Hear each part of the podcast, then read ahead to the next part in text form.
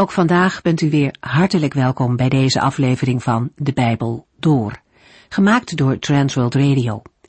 Voor meer informatie kijkt u dan op onze website transworldradio.nl. In deze serie gaat u in vijf jaar tijd met ons de Bijbel door, van Genesis 1 tot en met het laatste vers in Openbaring 22. Vandaag behandelen we een gedeelte uit 2 Thessalonicense. We hebben hoofdstuk 1 bijna helemaal besproken in de vorige uitzendingen, waarin Paulus begint met dankbaarheid, omdat hij heeft gezien dat de jonge gemeente groeit in geloof. En dat niet alleen, ook om hun onderlinge liefde staan ze goed bekend. Ze nemen daarin toe. De trits geloof, hoop en liefde komt vaker voor in de brieven van Paulus, ook in de twee brieven aan Thessalonica. Het zijn drie woorden die ook in ons leven belangrijk zijn. Niet alleen als theorie, maar vooral om er in de praktijk wat mee te doen.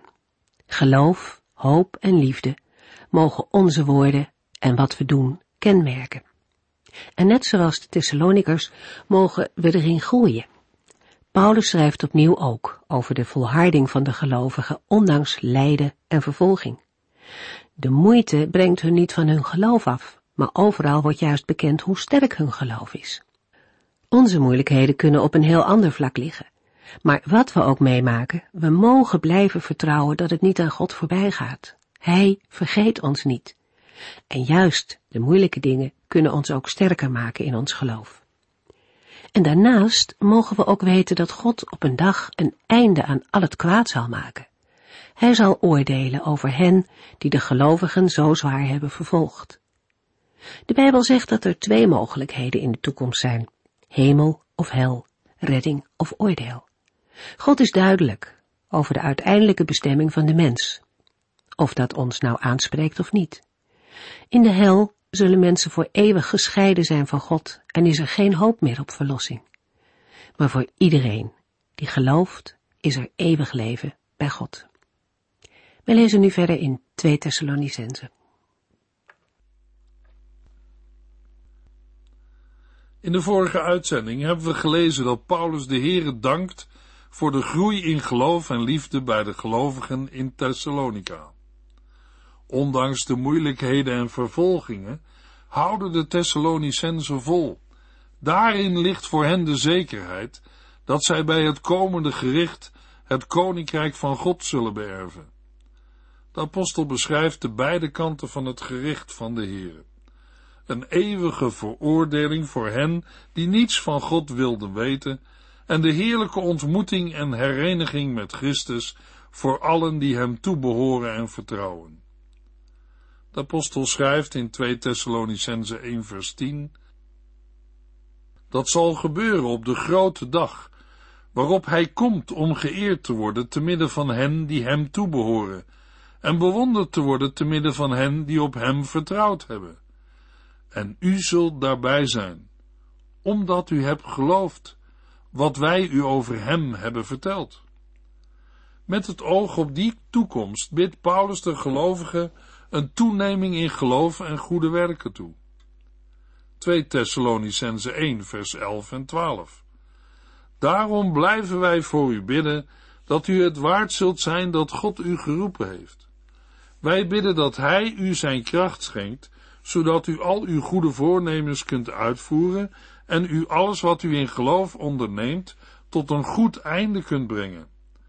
Daardoor zal in u onze Heer Jezus geëerd en geprezen worden, en u zelf ook, omdat u één met Hem bent. Dit alles is mogelijk door de genade van God en van onze Heer Jezus Christus. Zoals Paulus voortdurend dankt voor het geloof en de liefde in de gemeente, bidt hij ook voor de gelovigen, dat zij het waard zullen zijn dat de Heer hen heeft geroepen. Daarmee wordt niet bedoeld dat hun roeping berust op hun eigen verdiensten of waardigheid, maar dat zij zullen leven overeenkomstig de waardigheid die zij als mensen die door God geroepen zijn, bezitten.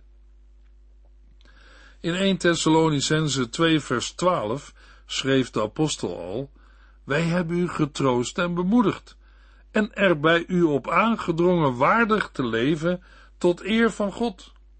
tot eer van Hem die u heeft uitgenodigd in zijn koninkrijk om zijn heerlijkheid te delen. Paulus geeft dit vaker aan de gelovigen, bijvoorbeeld in Efeziërs 4 vers 1.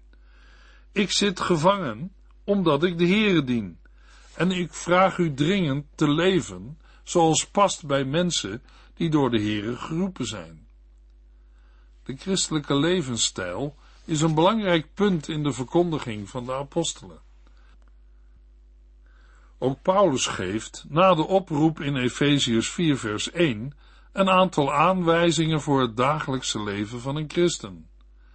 Voor de Thessalonicense bidden de apostel en zijn medewerkers meer in algemene zin voor een christelijke levenswandel. Wij bidden dat hij u zijn kracht schenkt, zodat u al uw goede voornemens kunt uitvoeren en u alles wat u in geloof onderneemt tot een goed einde kunt brengen. Paulus' gebed is dat God met zijn kracht in de gelovigen het verlangen om het goede te doen verder zal bewerken en zal maken dat hun geloof steeds meer vrucht zal dragen. In Filippenzen 2 vers 13 tot en met 16 lezen we, God is onder u aan het werk. Hij zorgt ervoor dat u hem graag wilt gehoorzamen en dat u ook doet wat hij van u vraagt. Zo bereikt hij zijn doel.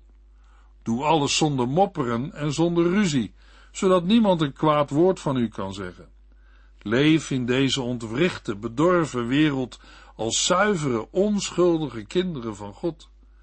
Want in deze wereld bent u als sterren die het licht van God uitstralen en die de mensen het woord voorhouden dat het leven geeft. Dan zal ik mij op de dag dat Christus terugkomt erover kunnen verheugen dat al mijn werk onder u niet voor niets is geweest. Aan de Thessalonicense schrijft Paulus, daardoor zal in u onze Heer Jezus geëerd en geprezen worden, en u zelf ook, omdat u één met hem bent. Luisteraar, voor degenen die bij deze dingen vragen, hoe zijn deze dingen allemaal mogelijk? Vroeg Paulus nog toe. Dit alles is mogelijk door de genade van God en van onze Heer Jezus Christus. We lezen verder in 2 Thessalonicense 2. Met 2 Thessalonicense 2 vers 1 begint het eigenlijke onderwerp van de tweede brief aan de Thessalonicense, namelijk het opruimen van de misverstanden over de wederkomst van Christus. Wij kunnen dit gedeelte zien als een nadere toelichting op 1 Thessalonicense 4 vers 13 tot en met 18. 2 Thessalonicense 2 vers 1 Wat de terugkeer van onze Heer Jezus Christus en onze hereniging met Hem betreft, direct in vers 1 geeft Paulus het onderwerp aan, de wederkomst van Christus en, voor de gelovigen, de hereniging met Hem. Dit laatste slaat op de opheffing van de door de hemelvaart bewerkte scheiding tussen Christus en de op aarde levende gelovigen. Over de wederkomst van Christus had de apostel in zijn eerste brief gesproken. Het woord hereniging is een vertaling van een Grieks woord dat in de Griekse vertaling van het Oude Testament het bijeenverzamelen van de verstrooide Joden aangeeft. De Heer Jezus gebruikt het woord, net als Paulus, voor het verzamelen van de gelovigen op de dag van zijn wederkomst. 2 Thessalonicense 2 vers 1 en 2 Wat de terugkeer van onze Heer Jezus Christus en onze hereniging met Hem betreft, broeders en zusters, vragen wij u dringend het hoofd koel te houden. Laat u niet in de war brengen door geruchten dat de grote dag van de Heere er al zou zijn. Als u mensen hoort die hier over een profetie of een bepaalde uitspraak of zelfs een brief van ons zouden hebben gekregen, geloof hen niet. In vers 2 lezen we de inhoud van de vraag van Paulus, namelijk om het hoofd koel te houden en niet de bezinning te verliezen. Letterlijk staat er in het Grieks losgeschud te worden van de stabiliteit van het verstand, zoals een schip van zijn anker kan worden losgeslagen. De woordvormen geven een voortduren van de onrust aan als gevolg van het verliezen van de bezinning of het verstand. Bij het woord profetie breng ik in herinnering dat er ook valse profetieën kunnen zijn en profetieën getoetst moeten worden aan Gods woord. Het is mogelijk dat al tijdens Paulus' leven valse brieven onder zijn naam werden rondgestuurd, zogenaamde pseudepigrafen. De woorden of zelfs een brief van ons zouden hebben gekregen, geven dat goed weer. Waarschijnlijker is het dat sommigen met een beroep op profetieën, woorden of een brief van Paulus de gemeente misleiden. 2 Petrus 3 vers 16 waarschuwt ervoor dat onverstandige mensen de woorden van Paulus verdraaien tot hun eigen verderf. Ook daar is de grote dag van de Here in het geding. Dat de grote dag van de Here er al zou zijn, kan op twee manieren worden uitgelegd. Sommige gelovigen meenden, onder de druk van de vervolgingen, dat de wederkomst onmiddellijk moest komen.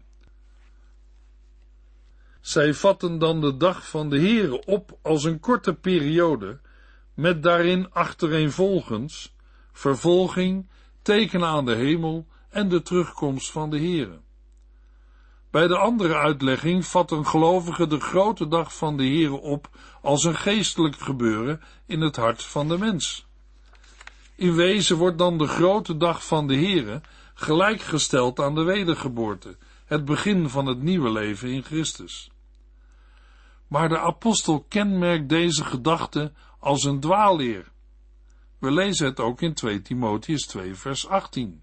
Zij, Hymenaeus en Philetus, zijn het spoor van de waarheid kwijtgeraakt en beweren dat de opstanding van de doden al heeft plaatsgevonden. In aansluiting hierop is ook Paulus' onderwijs over de opstanding van de gestorven christenen in 1 Thessalonicense 4 verklaarbaar. 2 Thessalonicense 2 vers 3 Laat u door niemand iets wijsmaken, want die dag komt pas als twee dingen zijn gebeurd. Eerst zal de grote ontrouw aan God komen en daarna zal de mens van zeer grote zonde opstaan, die tot ondergang is gedoemd. Voor de wederkomst van de Heer Jezus komen eerst de tekenen der tijden. Bij de grote ontrouw aan God zullen we moeten denken aan een afval op grote schaal van het geloof in de Heere, een terugvallen in ongeloof of heidendom. Deze grote ontrouw aan de Heere zal de komst van de antichrist of de mens van zeer grote zonde mogelijk maken. De Heer Jezus zelf spreekt in Matthäus 24 vers 12 over het hand over hand toenemen van het kwaad, zodat de liefde van de meeste mensen zal verkoelen. De context van 2 Thessalonicense 2 maakt duidelijk dat het daarbij niet alleen gaat om een toename van wetteloosheid, of om een wetteloze generatie, maar om een persoon, die niet de duivel zelf is, maar door hem wordt gesteund. In de Griekse tekst lezen we dat de zoon van het verderf wordt geopenbaard. Net zoals de Heer Jezus vanuit de hemel wordt geopenbaard, zo komt ook de mens van zeer grote zonde uit zijn verborgenheid tevoorschijn. De uitdrukking zoon van het verderf komt uit Jesaja 57 en Johannes 17. Het is een Joods spraakgebruik die niet iemands afkomst, maar zijn bestemming aangeeft. 2 Thessalonicense 2 vers 4 Hij zal God uitdagen en alles omverwerpen wat de mensen vereren. Hij zal zelfs in de tempel van God gaan zitten en beweren dat hij God is. De mens van zeer grote zonde wordt door Paulus in 2 Thessalonicense 2 vers 4 verder gekarakteriseerd als degene die alle zogenaamde goden weerstaat en zich boven hen verheft. Over deze zogenaamde goden schreef de apostel ook in 1 Corinthiërs 8 in het kader van het eten van voedsel dat aan de afgoden geofferd is. Paulus schrijft in 1 Corinthians 8 vers 5, er is maar één God. Ook al zeggen de mensen dat er in de hemel en op aarde vele goden en vele heren zijn, en er zijn heel wat zogenaamde goden en heren, wij weten wel beter. De bewoordingen die de apostel in 2 Thessalonicense 2 gebruikt, doen sterk denken aan Daniel 11. Het gaat bij de mens van zeer grote zonde om een persoon die zichzelf als God wil laten vereren door in de tempel te gaan zitten. Bij de woorden, hij zal zelfs in de tempel van God gaan zitten, moet in eerste instantie gedacht worden aan de tempel in Jeruzalem. Maar die tempel werd in het jaar 70 na Christus verwoest door Titus. Sommige Bijbeluitleggers zien dan ook de herbouw van deze tempel als een voorwaarde om deze profetie in vervulling te doen gaan. Andere Bijbeluitleggers geven de tempel een geestelijke betekenis. De tempel is dan de gemeente of de kerk. De antichrist zal zich dan in de kerk als God willen laten vereren. De bedoeling van de mens van zeer grote zonde of de antichrist is om van zichzelf te bewijzen dat hij God is. Ook in Openbaring 13 lezen we over deze dingen.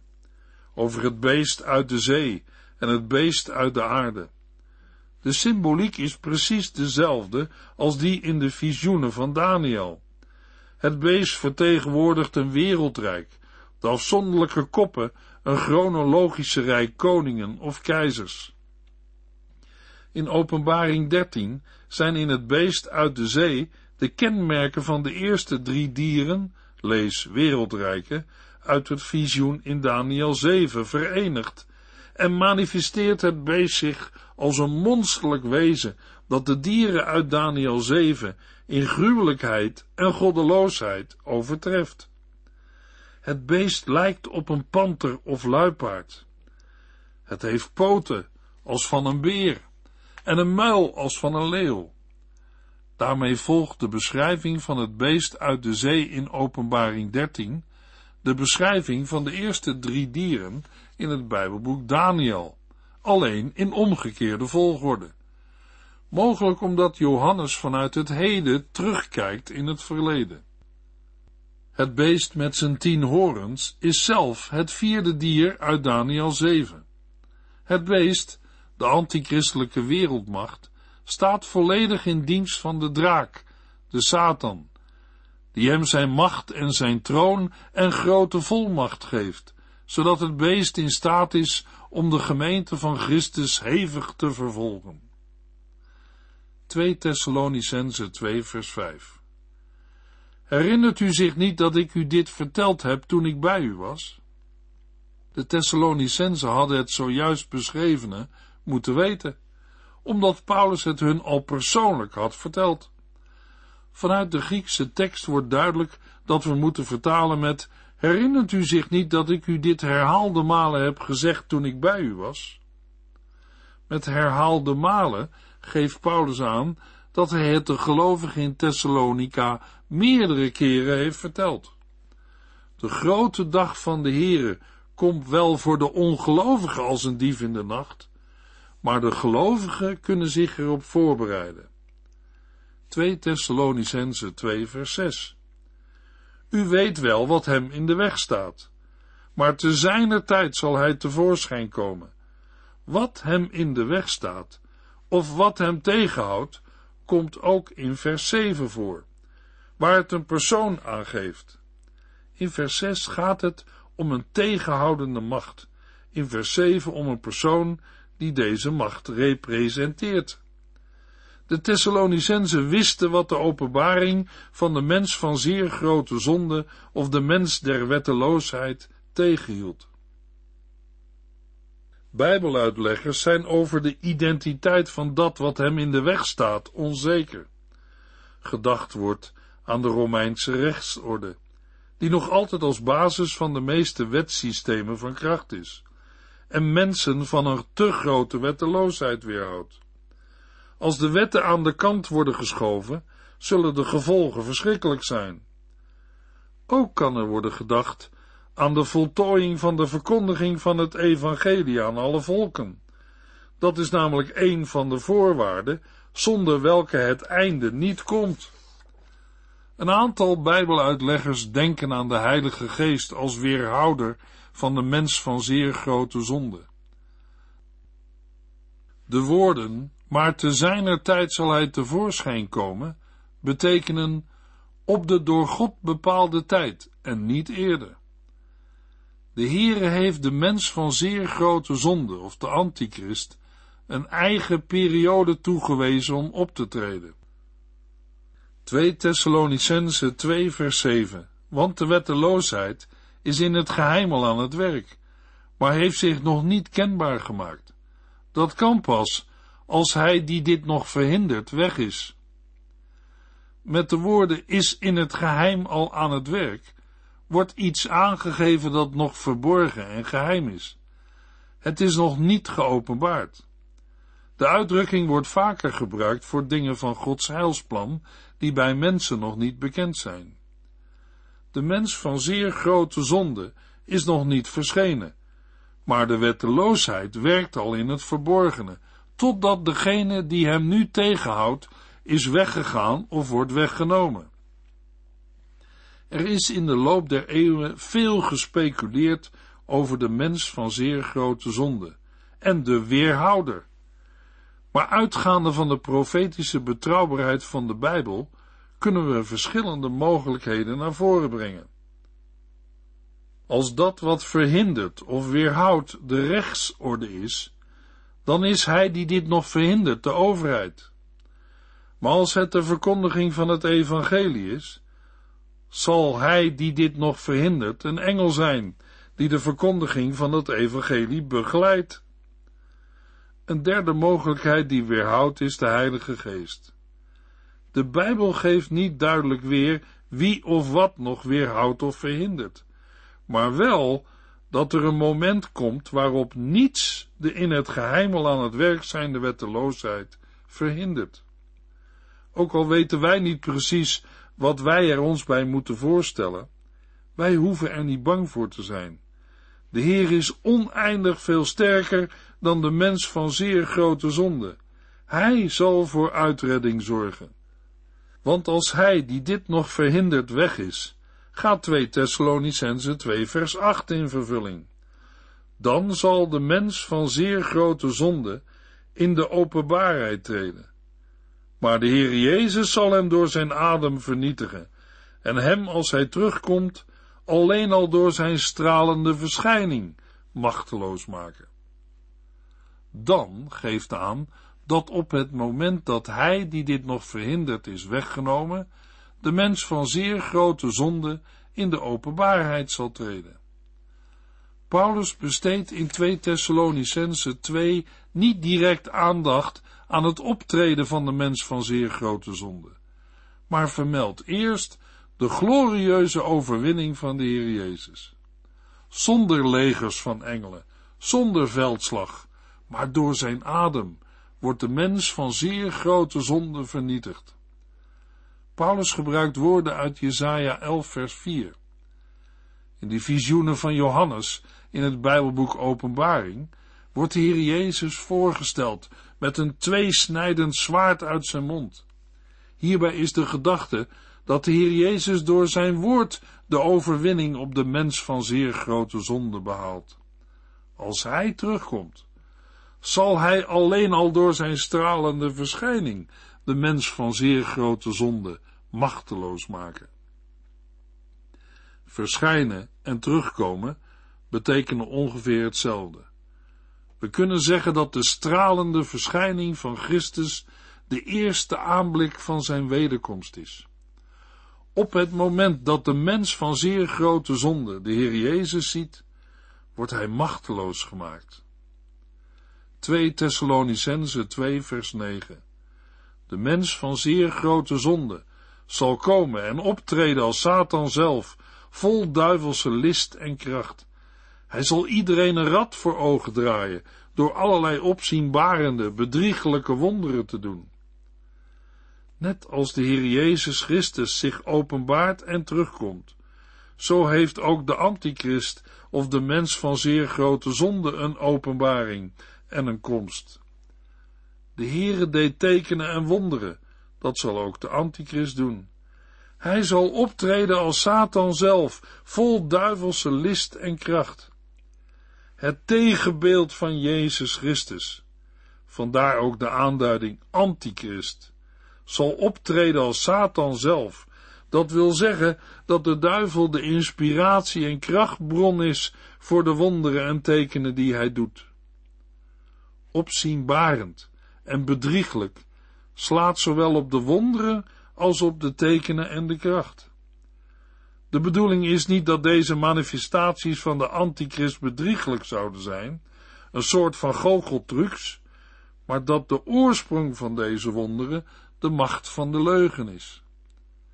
In Johannes 8, vers 44 wordt de duivel door de Heer Jezus de bron van de leugen genoemd.